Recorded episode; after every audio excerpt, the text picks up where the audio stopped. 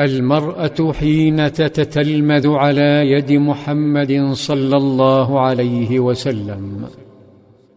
مات طفل أم سليم فبكته واحتسبته ثم تغلب إيمانها على حزنها فغسلته وطيبته ووضعته في فراشه. ولما جن الليل نهضت فأعدت عشاء واغتسلت وتزينت بأجمل ثيابها وتطيبت. فلما عاد زوجها لم تصدمه بالولولة والنواح بل راعته بأناقتها وطيبها. وحين سألها عن طفله طمأنته بقولها ما كان ابنك منذ اشتكى أسكن منه الليلة. تعشى الزوج وأمضى ليلة من أجمل لياليه ولما لاح الفجر نهض واستعد للخروج فأوقفته وقالت بصوت ينث إيمانا يا أبا طلحة أرأيت لو أن رجلا استودعك وديعة فاستمتعت بها ثم طلبها فأخذها منك تجزع من ذلك؟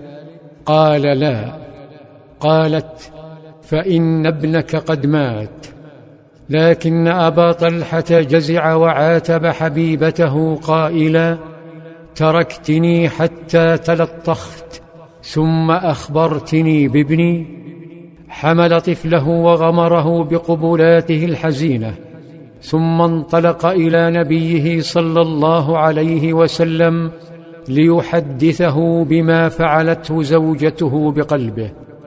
نظر صلى الله عليه وسلم إليه متعجبا من عظمة تلك الفتاة وسأله بتما عروسين وهو إلى جنبكما؟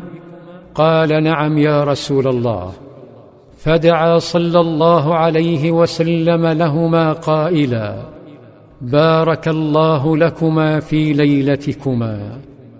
فحملت أم سليم تلك الليلة وخلال حملها لم تتوقف عن صحبة نبيها صلى الله عليه وسلم.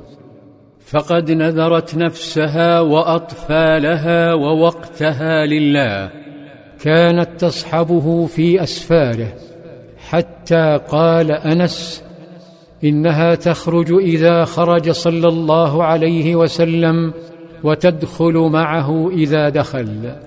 فكان صلى الله عليه وسلم يثمن جهادها وتميزها وتسخيرها بيتها لله. ذات يوم عادت معه وهي على وشك الولادة وقد توقف الركب على حدود المدينة فأخذها الطلق. فقال صلى الله عليه وسلم إذا ولدت فأتوني بالصبي فولدت غلاما ثم قالت لأنس انطلق بالصبي إلى رسول الله. انطلق أنس فوجد النبي صلى الله عليه وسلم يسم إبلا أو غنما. نظر صلى الله عليه وسلم لأنس فقال أولدت بنت ملحان؟ قال نعم. فألقى صلى الله عليه وسلم ما في يده فتناول الصبي بحفاوة وقال لأصحابه ائتوني بتمرات عجوة. مد أحدهم تمرات العجوة فأخذ صلى الله عليه وسلم إحداها فمضغها ثم أخذ جزءا منه بأصبعه وجعل يحنك الصبي.